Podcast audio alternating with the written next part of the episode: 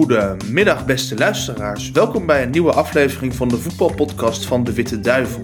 We moeten terugblikken op het weekend waar de lang, lang, lang aangekondigde degradatie van Beerschot nu toch echt een feit is geworden. Verder is de strijd om de laatste plekken in de bovenste play-off spannender dan ooit. Anderlecht, Antwerp, AA Gent. Twee ploegen gaan het redden, maar welk? Mijn naam is Jan-Willem Spaans en deze maandag zit ik samen met Eddy Snelders en met François Collin. François, ik geef u graag het woord. Dankjewel Jan-Willem. Uh, Eddy, zullen we eens een uitzondering maken en het eens even over het buitenlands voetbal hebben. Cristiano Ronaldo, ja. 37 jaar, een hat in een uh, topwedstrijd in de Premier League. Er is maar één woord voor François. Fenomenaal noemen we dat. Uh, ik vind het, uh, oké, de meeste mensen zijn mijn mening niet toegedaan, maar daarom hou ik die mening uiteraard zo.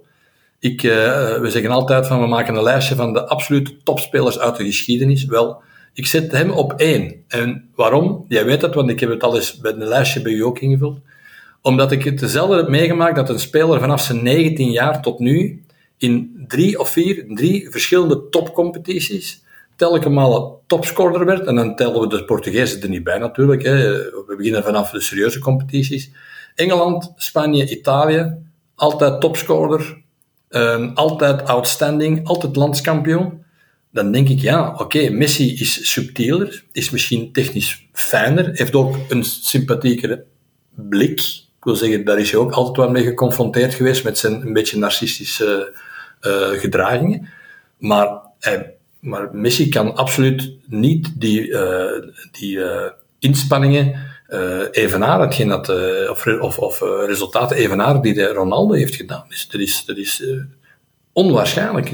Als je dat overal kan, en zwaar bekritiseerd in Italië, op latere leeftijd naartoe gaan naar Juventus, geen makkelijke competitie, eerste zeven, acht wedstrijden, geen doelpunt, zware kritiek, versleten, afgeschreven, gedaan, opnieuw topscorer, opnieuw landskampioen nu, nu opnieuw, oké, bij Juventus misschien minder welkom, minder speelgelegenheid. Oké, dan ga ik naar Manchester United. Ook, veel kritiek, laten we eerlijk zijn. Ragnik gaat hij hem pakken, ja, nee, want hij, werkt niet hard genoeg en dit en dat. Maar hij doet het toch elke keer opnieuw. En die is, mensen 37 jaar, die is, die is fysiek in orde. Een geweldig eerste doelpunt. Met je gisteren nog over gehad. Zijn veerkracht, zijn sprongkracht met dat derde doelpunt. Uit, gewoon uit stand. Dat fenomenaal. Dat is iets dat we zelden zien. Dus ik zeg, geweldige speler, fenomenale prestatie. Goed, dan de Belgische competitie, maar uh, Union en Club Brugge mogen we nu toch echt wel als de twee belangrijkste titelkandidaten beschouwen. En op basis van uh, deze speeldag kan de conclusie alleen maar zijn dat Union de betere ploeg is.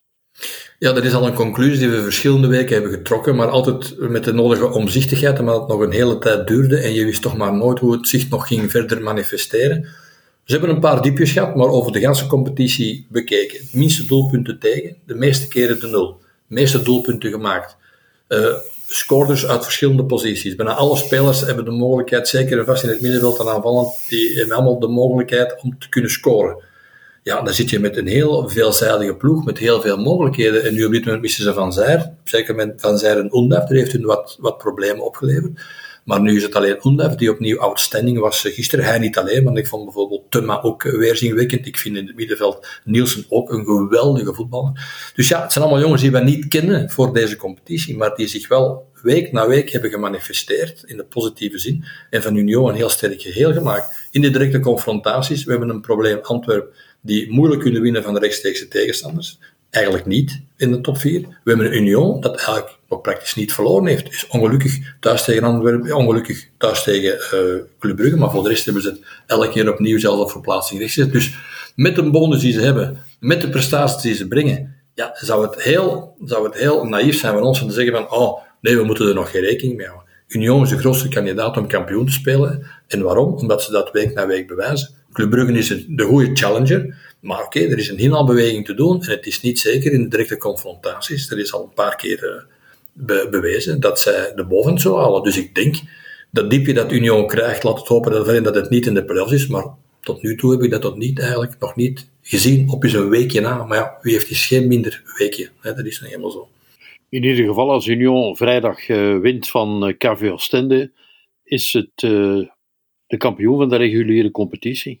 Ja, en eigenlijk de echte kampioenen, want uh, wij weten allemaal dat de play-offs zijn uh, ingeroepen om de spankracht wat te verhogen, gedeeld door twee en de ploegen wat dichter bij elkaar. En we weten allemaal dat daar uh, externe omstandigheden bij zijn die niemand in de hand heeft. Dus al dikwijls weten dat die ploegen die dan lange tijd op kop staan, zelfs Club Brugge verleden jaar met een, met een comfortabele voorsprong, toch nog in de problemen kunnen geraken. Maar de kampioen van de regelmaat is de kampioen over 30 of 34 speeldagen in dit geval. En dat is dan toch wel zeker Union. Dus die titel die mogen ze al hebben. Laten we hopen, en dat is dikwijls ook wel zo, dat die titel ook na de playoffs kan verlengd worden.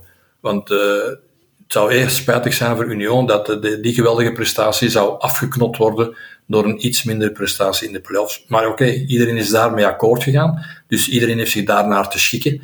Alleen natuurlijk eh, is het voor een ploeg als Union, of gelijk wie dat eh, vooraan staat met een, met een enorme voorsprong op de tweede, gedeeld door twee, is het nooit niet leuk om eventueel nog hetgeen dat hij in hand hebt eh, te, te verliezen natuurlijk. Anderlecht is dit weekend over uh, Antwerp gesprongen, dat nu vier keer verloren heeft in zijn laatste zes wedstrijden.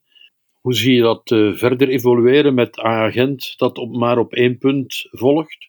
Ja, Agent heeft eigenlijk de sleutelwedstrijd in handen. Want achteraf hebben ze zowel Gent als Antwerpen een beetje een vergelijkbaar, een vergelijkbaar programma.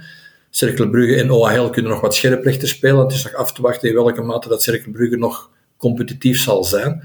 Uh, die is niet onbelangrijk, want die hebben al uh, verschillende keren bij uh, goede ploegen een, een, eh, een spelbreker geweest. op Anderlecht onder andere gaan winnen. Een moeilijk manoeuvreerbare ploeg. U zit goed in elkaar, dus het is niet direct een heel makkelijke tegenstander. Maar zij zijn degene die eigenlijk mee bepalen wat er nadien gaat gebeuren. Maar de sleutelwedstrijd blijft sowieso Gent-Anderlecht. Als Gent wint van Anderlecht, dan is alles open dan is alles open. Dan is het wachten tot de laatste speeldag om te zien uh, wie dat het eigenlijk wordt. Dan wordt de spankracht nog eens extra verhoogd.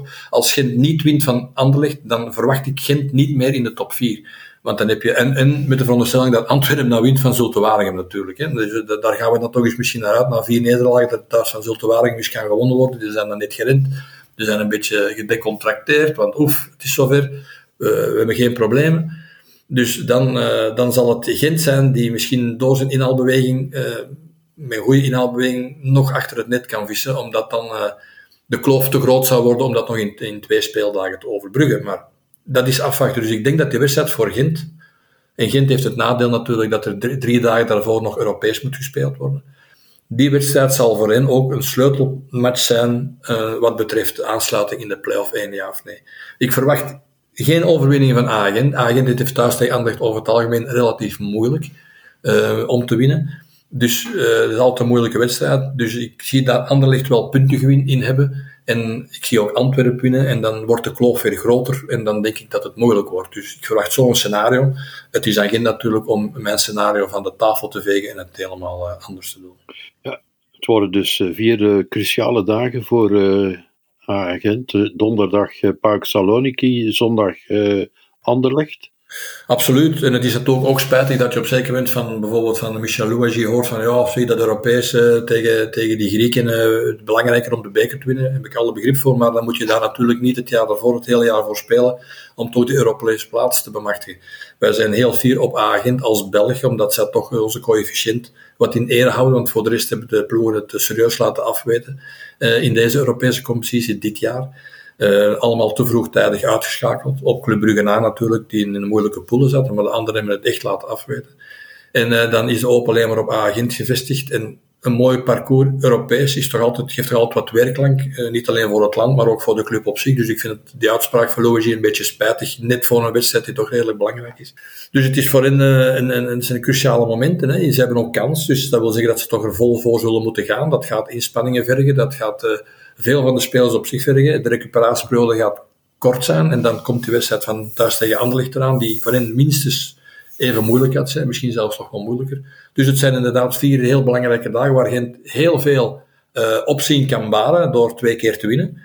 En waar ze natuurlijk ook veel te verliezen hebben, want uh, een uitschakeling tegen de Grieken zou op dit moment toch bijzonder pijnlijk zijn, want er wordt niet 100% op gerekend. Die nederlaag kwam eigenlijk al wat onverwacht, maar goed, dat kan je nog goed maken thuis, dus dat wordt ook verwacht van Hagen. Maar dan ook die wedstrijd tegen Anderlecht. Uh, goed, de inhaalbeweging is nu ingezet. Het, veel publiciteit gemaakt voor de manier waarop Agent al het grootste deel van deze competitie speelt, buiten hetgeen dat ze, buiten de efficiëntie die regelmatig ontbrak. Maar goed, ze hebben nou wel heel goed gespeeld. Ehm, het is een ploeg die goed in elkaar zit, die overigens nog, ook nog Brugge twee keer heeft, heeft verslagen, duidelijk verslagen trouwens. Dus dat zou ook voor hen een enorme anticlimax zijn, moesten deze twee wedstrijden negatief eindigen. Dus ik hoop voor Agent en voor Van Azenbroek dat zij inderdaad kunnen slagen en die twee wedstrijden naar hun hand kunnen zetten. Racing Genk is na de nederlaag in de Limburgse derby tegen STVV nog altijd niet zeker van deelname aan play-off 2. Hoe eh, laag kan je zakken? Grote ontgoocheling. Misschien wel de grootste eh, van alle ploegen. Dat is inderdaad Racing Genk. In het begin van de competitie nog getypt als uh, kandidaat landskampioen. Zeker als outsider. Dus altijd kijken wat doet Racing Genk. Um, het liep geleidelijk aan verkeerd onder John van der Bron. En ik kan niet zeggen dat het onder, onder, onder Stork als het veel beter is geworden. Integendeel, er wordt veel gewisseld. Achteraan wordt er elke week gewisseld. Maar zelfs met een positief resultaat blijft hij door, doorwisselen. Begrijpen wie kan, eerlijk gezegd. En nu worden de resultaten niet alleen buitenshuis waren al vrij dramatisch. Nu beginnen ze ook in eigen huis te verliezen. Dus dat maakt het ook moeilijker voor, eh, voor bijvoorbeeld Gent en voor Antwerpen. Want Cercle Brugge blijft toch altijd die voeling houden. Twee puntjes denk ik dat ze nu staan. Blijft de voeling houden naar die achtste plaats. Dat wil zeggen, die motivatie blijft daar. Um, op zeker moment indrukwekkend gespeeld op Ander, Anderlecht. Iedereen weet dat nog. Dus ja, de rechtstreekse confrontatie met Gent en met Antwerpen. Het zijn geen gemakkelijke wedstrijden voor Cercle Brugge. Maar die kunnen wel in hun mogelijkheden geloven. Dat hebben ze in het verleden bewezen. Dus dat is een vervelende ploeg. Als die op zeker moment op vijf of zes punten staat, dan heb je nog wel iets van mathematisch kan het nog, maar we hebben al dikwijls geleerd dat dat niet veel opbrengt.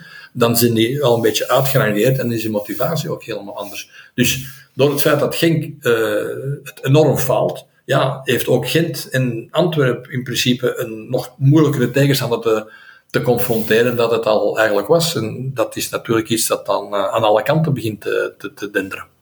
Standaard bewijst dat je als topploeg nog altijd uh, lager kan zakken.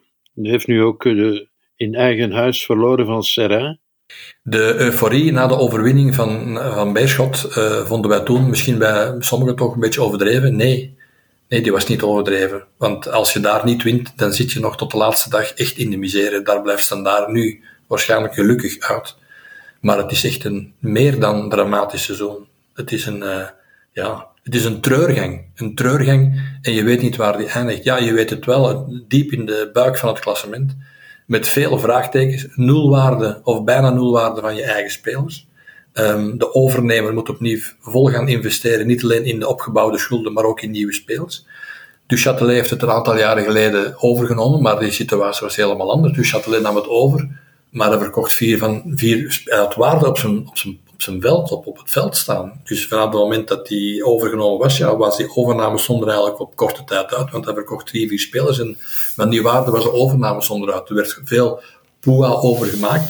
Uh, dat was een ingreep à la Duchatelet, die dat op voorhand had voorzien. Die is achteraf mondjesmaat gaan investeren, niet voldoende, geven we al toe. Dus dan is Venatti gekomen. Maar Venatti heeft wel naar de supporters geluisterd, maar niet naar zijn portemonnee. En die portemonnee die was al niet zo groot en die is nog redelijk leeg geraakt. Op een duur waren er geen mogelijkheden meer. Veel scènes geweest, veel intriges geweest, zowel met makelaars als met spelers.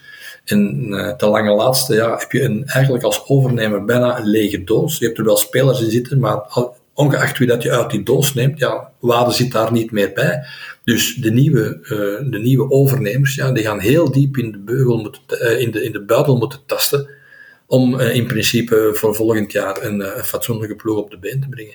Eén voordeel hebben ze, dieper dan dit kun je eigenlijk als ex-topploeg niet zakken.